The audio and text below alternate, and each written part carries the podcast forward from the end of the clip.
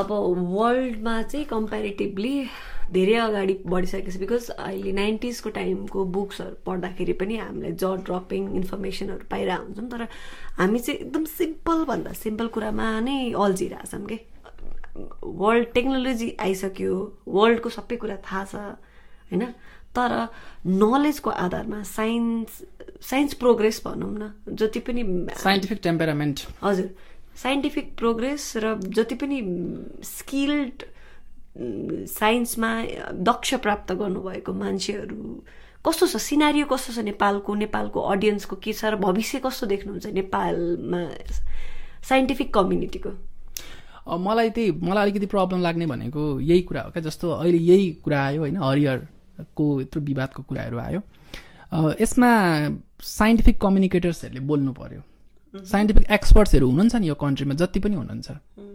They do this things on a daily basis there are so many people जसलाई थाहा छ यो कुराहरू। तर उहाँहरूले एउटा उहाँले त साइन्सलाई डिफेन्ड पनि गर्न सक्नु पऱ्यो नि। उहाँ त साइन्सको एउटा एडभोकेट पनि हो नि त। Because it is also his are her responsibility to explain it to the people around them के हो फ्याक्ट भनेर। किनभने एउटा जान्दै नजानेको मान्छेले आएर यस्तो हो भनेर युनिभर्सको बारेमा लाइटको बारेमा साउन्डको बारेमा बोल्छ भने त युनिभर्स लाइट साउन्ड त त्यो त मेरो डोमेन अफ एक्सपर्टिजमा पर्ने कुरा हो। I should speak up I should enlighten people भनेर त उहाँहरूले पनि सोच्नुपर्ने हो नि त आफ्नो लेभलमा। Maybe they are doing but मैले चाहिँ देखेको कलेक्टिभली एउटा सोसियल्ली होइन हाम्रो सोसाइटी चाहिँ साइन्टिफिकली लिटरेट हुन नसक्नुको यो पनि एउटा रिजन हो क्या सो मलाई चाहिँ यो यस्तो लाग्छ कि जति जसले साइन्स पढ्नु भएको छ बुझेर पढ्नुहोस् होइन? र लाइक यस्तो कुरामा यस्तो सिनेरीमा तपाईँले जे जान्नु भएको छ नि यत्रो इयर्स पढेर be courageous enough to defend science क्या? बिकज इट इज ट्रु हामीलाई थाहा छ नि हामीले इक्वेजन्सबाट गरेको छ एक्सपेरिमेन्टली भेरिफाई गरेको छ we know this things right एजुकेसनमा पनि त कमी हुनसक्छ नि त अथवा जसरी यो ग्रेसफुल्ली तपाईँले साइन्सलाई यति इम्प्रेस गरेर माया गर्नुहुन्छ होइन? मेबी त्यो हामीले एजुकेसन सिस्टममा त्यो खालको इन्क्लिनेसन पाइरहेको छैनौँ कि? अब त्यो त बिगर अर्डर अफ प्रब्लम्स हेर्दै जाने हो भने त विभिन्न लेभल्समा प्रब्लम छ राइट गभर्मेन्ट करप्ट छ देशै खराब छ समय खराब छ। There are so many things होइन?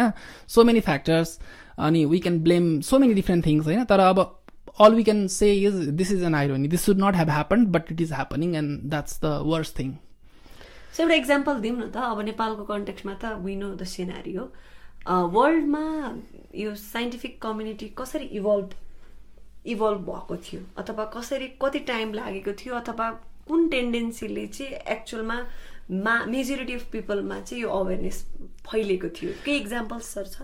त्यसको इक्जाम्पल भनेको अब लाइक तपाईँले चाहिँ यो फिलोसफीबाट आएको साइन्स भनेको एउटा फिलोसफी किनभने एन्सियन्ट टाइममा हामीले हेर्ने हो भने लाइक साइन्स अथवा फिजिक्स केमिस्ट्री बायोलोजी भन्ने हुँदैन थियो। म्याथमेटिक्स भन्ने सेपरेट हुँदैन थियो। सबै यो फिलोसफीमा पर्थ्यो अनि लाइक यो युरोपियन एनलाइटनमेन्टको पनि यसमा धेरै ठुलो देन छ।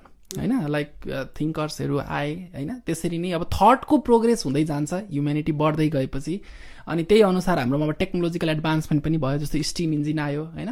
इन्डस्ट्रियल एज सुरु भयो अनि त्यसले हामीलाई अरू साइन्टिफिक एडभान्समेन्ट गर्नलाई फेसिलिटेट गर्यो अनि त्यो फेरि एक्सपोनेन्सियली ग्रोथ हुँदै गयो। थियोरिटिकल लेभलमा हेर्दै जाने हो भने अब क्लासिकल अन्डरस्ट्यान्डिङ अब बायोलोजिकल साइन्सबाट हेर्ने हो भने डार्विन्स थ्योरी अफ इभोल्युसनले एउटा एकदमै ठुलो सिफ्ट ल्याइदिएको छ। किन भन्दाखेरि त्यो थ्योरी आउनुभन्दा अगाडि चाहिँ हामी कहाँबाट आयौँ भन्ने क्वेसनमा चाहिँ एउटा ग्रान्ड डिजाइन एउटा क्रिएटर भनेर राखिन्थ्यो भने Darwin was the first person to explain it to the world that हामी चाहिँ एउटा ग्रान्ड डिजाइनबाट आएको होइन एउटा क्रिएटरबाट आएको होइन क्रिएसनबाट आएको होइन।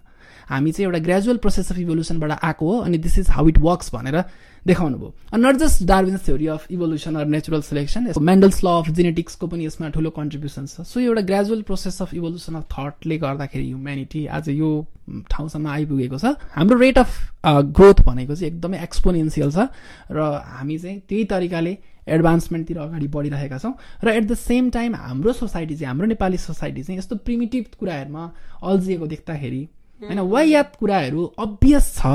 होइन कमन मान्छेहरूलाई धेरैलाई पनि थाहा छ तर पनि significant fraction of the people चाहिँ अझै तिनै कुराहरूमा अड्केर बसेको देख्दाखेरि र लाइक नेसनल इम्पोर्टेन्सका टक्समा पनि यस्तो विषयहरूको बारेमा बोलिदिँदाखेरि र यसलाई चाहिँ गलत हो भनेर भनिदिने साइन्टिफिक कम्युनिटीको तर्फबाट पनि रिप्रेजेन्टेसन नहुँदाखेरि चाहिँ त्यो कुराहरू चाहिँ एज अ साइन्स एन्थोजियास मलाई चाहिँ त्यो कुरालाई एकदमै दुःख लाग्छ।